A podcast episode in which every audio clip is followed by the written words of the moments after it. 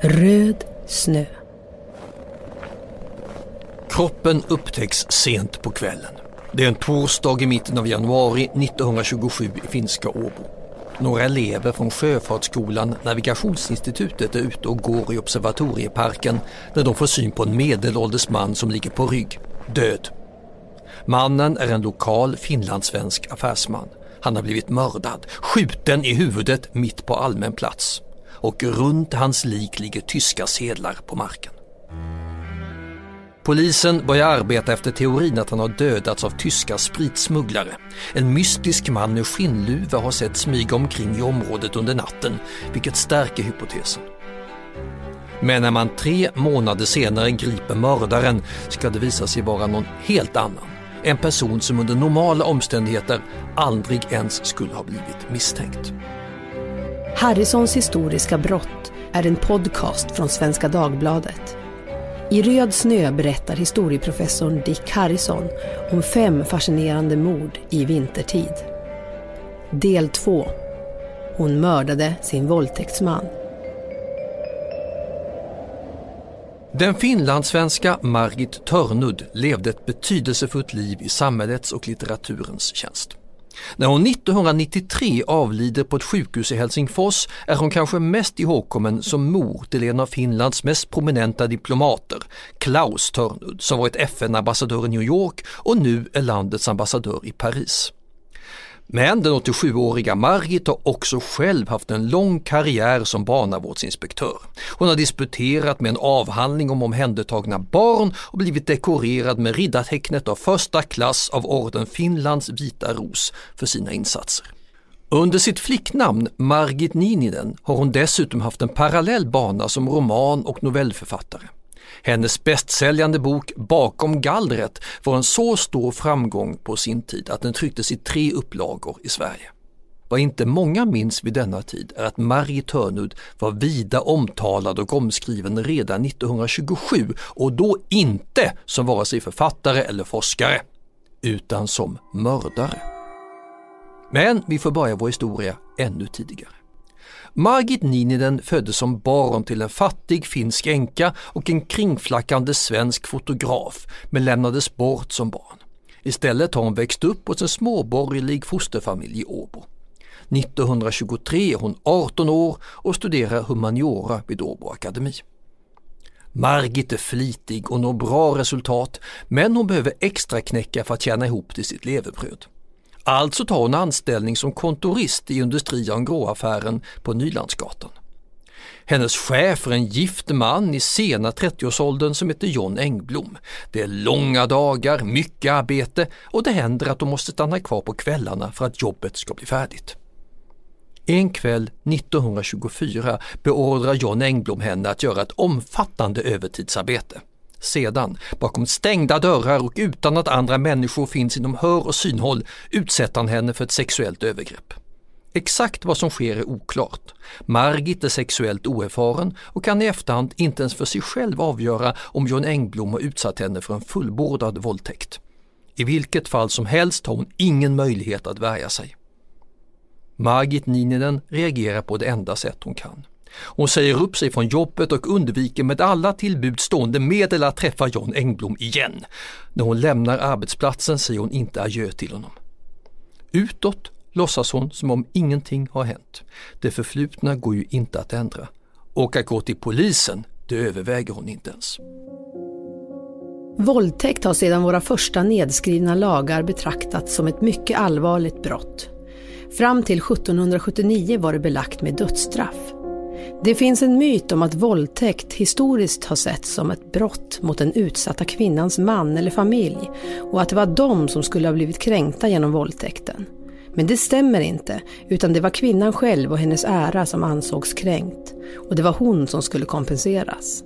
Men 1864 ändrades lagen i Sverige och det var inte längre den kränkta äran som var brottets kärna, utan kvinnans kropp och fysiska skador. I och med det blev det ännu viktigare att våldet varit kraftigt för att en våldtäktsman skulle straffas.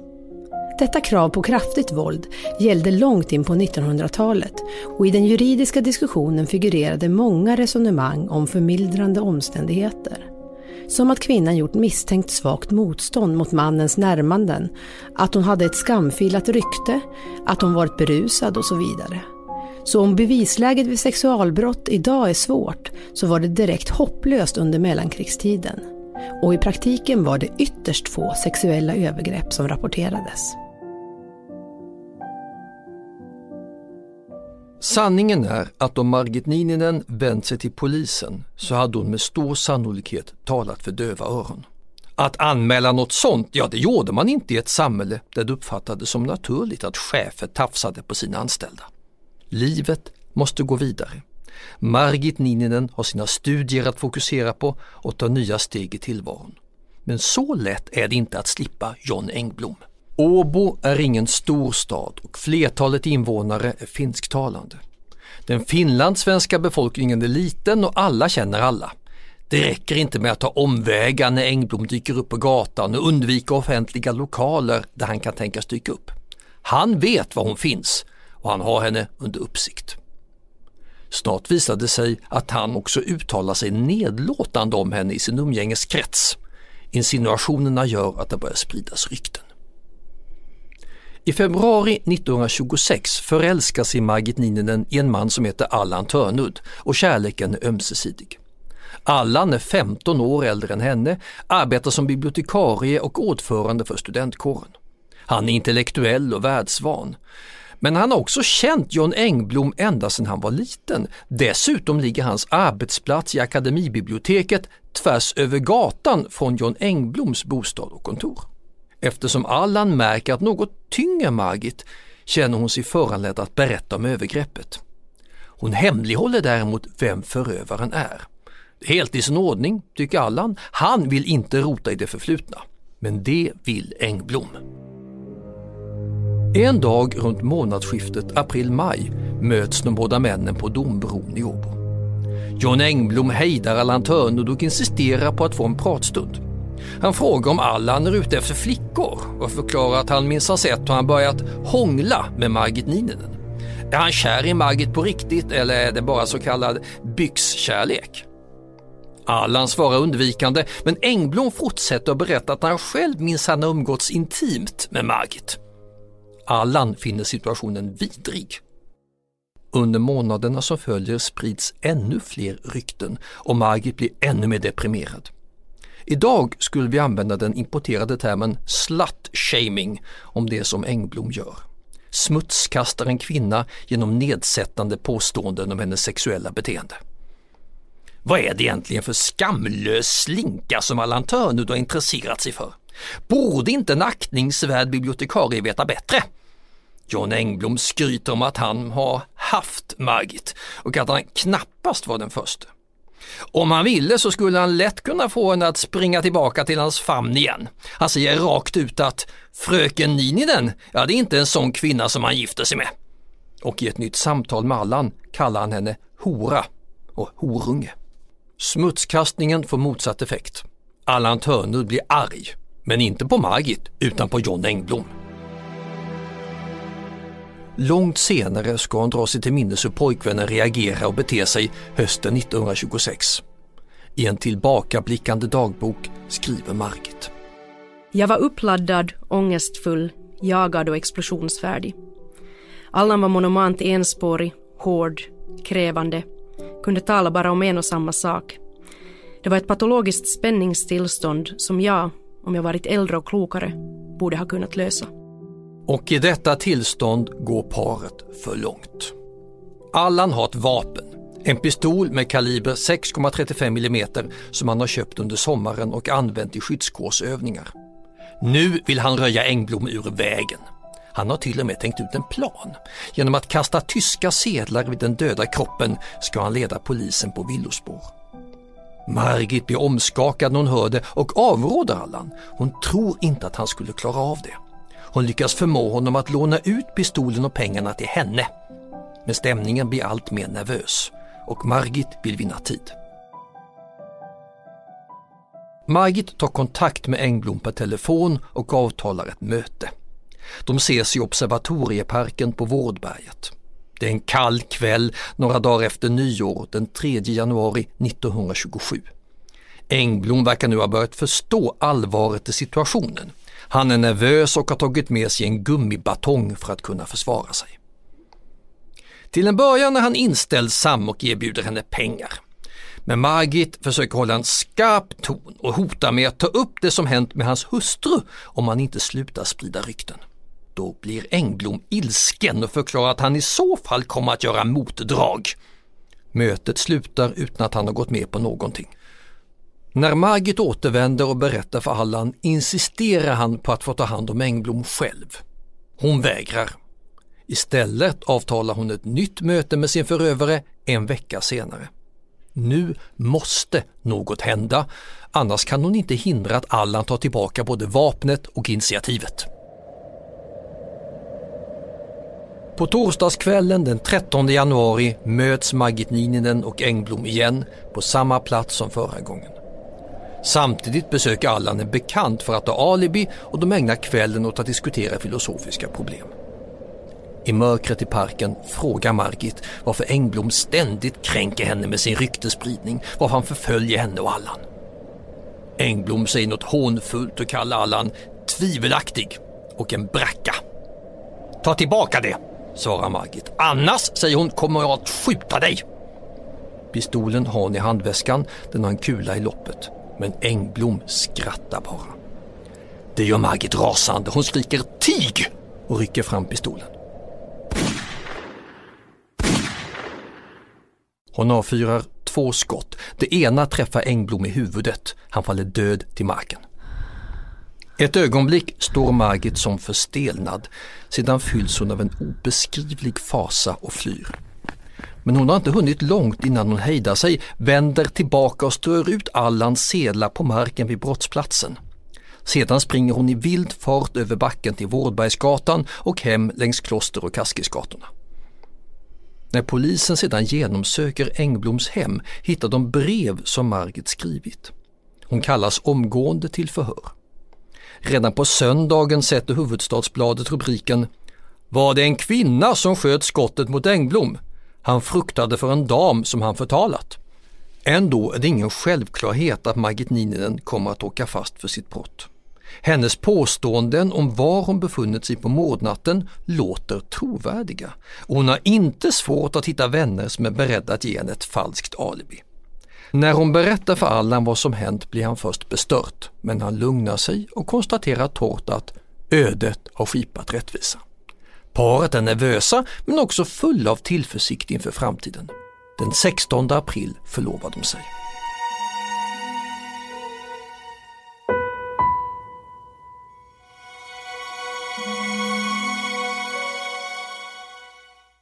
Det saknas ju vittnen till dödsskjutningen. Tanken att Engblom kan ha blivit dödad av tyska spritsmugglare är inte orimlig. Spritsmuggling är vanligt förekommande vid den här tiden. Och skulle en kvinna verkligen begå ett mord? Kvinnor är kraftigt underrepresenterade i statistiken över våld med dödlig utgång. Historiskt sett har det absoluta flertalet grova våldshandlingar begåtts av män. De kvinnliga mördare som faktiskt funnits har ofta dödat barn. Ett exempel är Hilda Nilsson, den beryktade änglamakerskan från Helsingborg, som mördade åtta barn innan hon häktades och dömdes till döden 1917. Eller hennes danska motsvarighet Dagmar Overby, som mördade minst nio barn vid samma tid. Man känner också till ett antal kvinnor som har mördat försvarslösa patienter på sjukhus eller förgiftat sina äkta makar. Att hitta fall där kvinnor dödat fullvuxna människor öga mot öga är betydligt svårare. De finns som de amerikanska seriemördarna Bell Gunness och Eileen Wernos, den sista känd från filmen Monster. Men jämfört med alla mord begångna av män är deras dåd ändå som droppar i en ocean av blod. Millions of people have lost weight with personalized plans from Noom. Like Evan, who can't stand salads and still lost 50 pounds. Salads generally for most people are the easy button, right? For me, that wasn't an option. I never really was a salad guy. That's just not who I am. But Noom worked for me. Get your personalized plan today at Noom.com. Real Noom user compensated to provide their story. In four weeks, the typical Noom user can expect to lose one to two pounds per week. Individual results may vary. Hade Margit Nininen begått sitt brott ett par decennier tidigare skulle hon antagligen ha kommit undan och mordet hade förblivit ouppklarat. Men 1927 har saker börjat hända inom rätts och kriminalvetenskapen. Fallet Engblom blir första gången någonsin som den finska polisen lyckas identifiera ett mordvapen genom att undersöka de hylsor som påträffas på brottsplatsen. Detta möjliggörs genom att man jämför hylsorna med andra hylsor som påträffats nära en sommarstuga i Pargas där Allan har övat prickskytte under sommaren. Hylsorna är identiska. Söndagen den 24 april kallas Margit och Allan till förhör, misstänkta för mord. Bevisningen är övertygande och som de amatörbrottslingar de är snär de in sig i en härva av motstridiga lögner. Efter några dagar avger båda två en fullständig bekännelse. Nyheten slår ned som en bomb i Åbo. Allan tvingas avgå från uppdraget som studentkårens ordförande och från sin bibliotekarietjänst. Även i Sverige är mordet på Engblom en toppnyhet. Svenska Dagbladet återkommer till händelsen under hela våren. 26 april. Polisen har i tysthet arbetat för att få mördaren fast och ingenting har meddelats om utredningen förrän idag då saken tog en högst sensationell vändning. 27 april. Bibliotekarie Törnud och fästmön erkänna. Det var fröken Nininen som sköt ner Engblom med Törnuds revolver. Mörderskan, bildskön, behagfull och intelligent. 28 april. Hämnden för ett nesligt våld. Några hånfulla anmärkningar fyllde måttet. 29 april. Rättegången motses med utomordentligt intresse av advokater och psykologiskt intresserade personer.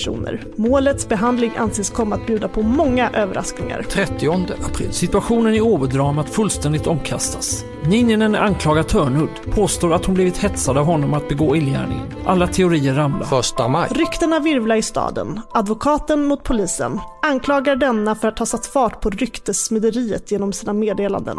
2 maj. Nininens uppgift att Engblom övat nesligt våld mot henne blir sannolikt en detalj kring vilken mycket strid kommer att blossa upp inför rätta.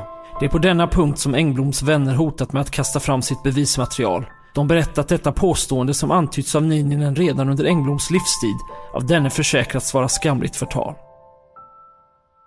I rådstuverätten döms paret till livstids fängelse. Hon för mord och han för anstiftan till mord.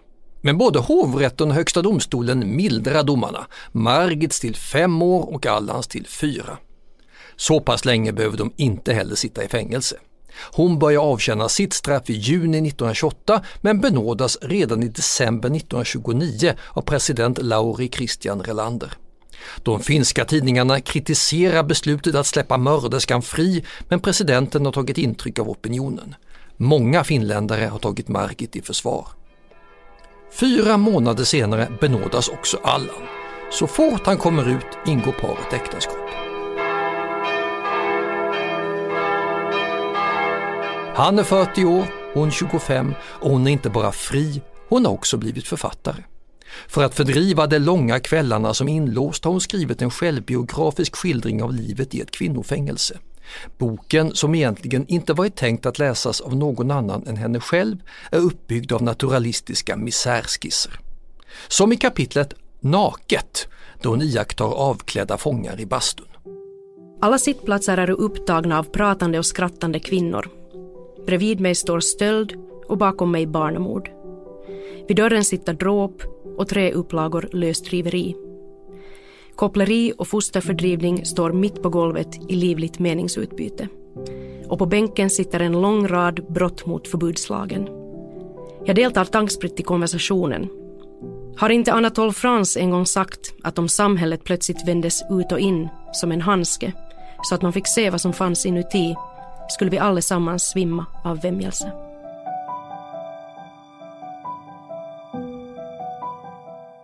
Vänner som läser texterna är imponerade och vill att hon ska sända in dem till ett förlag. Hennes debutbok med titeln Bakom gallret kommer ut 1930 och gör att hon tar steget ut i den svenska litterära offentligheten. Boken ges ut av Bonniers och blir en stor framgång.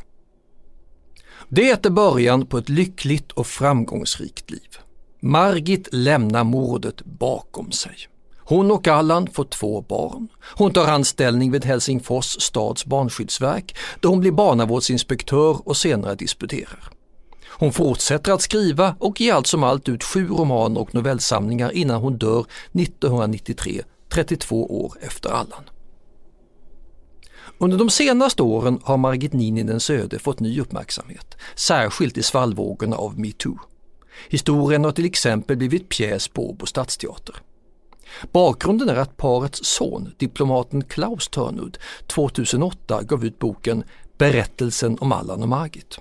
Men den utkom bara i 50 exemplar. Syftet var inte att vålla sensation kring fallet utan för att en gång för alla berätta om föräldrarnas öde så att historien skulle finnas till hands. Själv tyckte Margit inte om att dra upp 1920-talets mörka tilldragelser i ljuset. På en av de sista sidorna i sin dagbok skrev hon. Ibland grips jag av en djup melankoli, men för det mesta är jag lugn, harmonisk och ganska lycklig. Jag är inte rädd för döden och jag är gränslöst tacksam för allt gott jag fått ut av livet, alla vedervärdigheter till trots. Du har lyssnat på Harrisons historiska brott med Dick Harrison, en podcast från Svenska Dagbladet. Producent är Klara Wallin. Adam Svanell är redaktör. Margits röst gjordes av Annika Holmbom. Ansvarig utgivare är Fredrik Karén och jag heter Erika Hallhagen.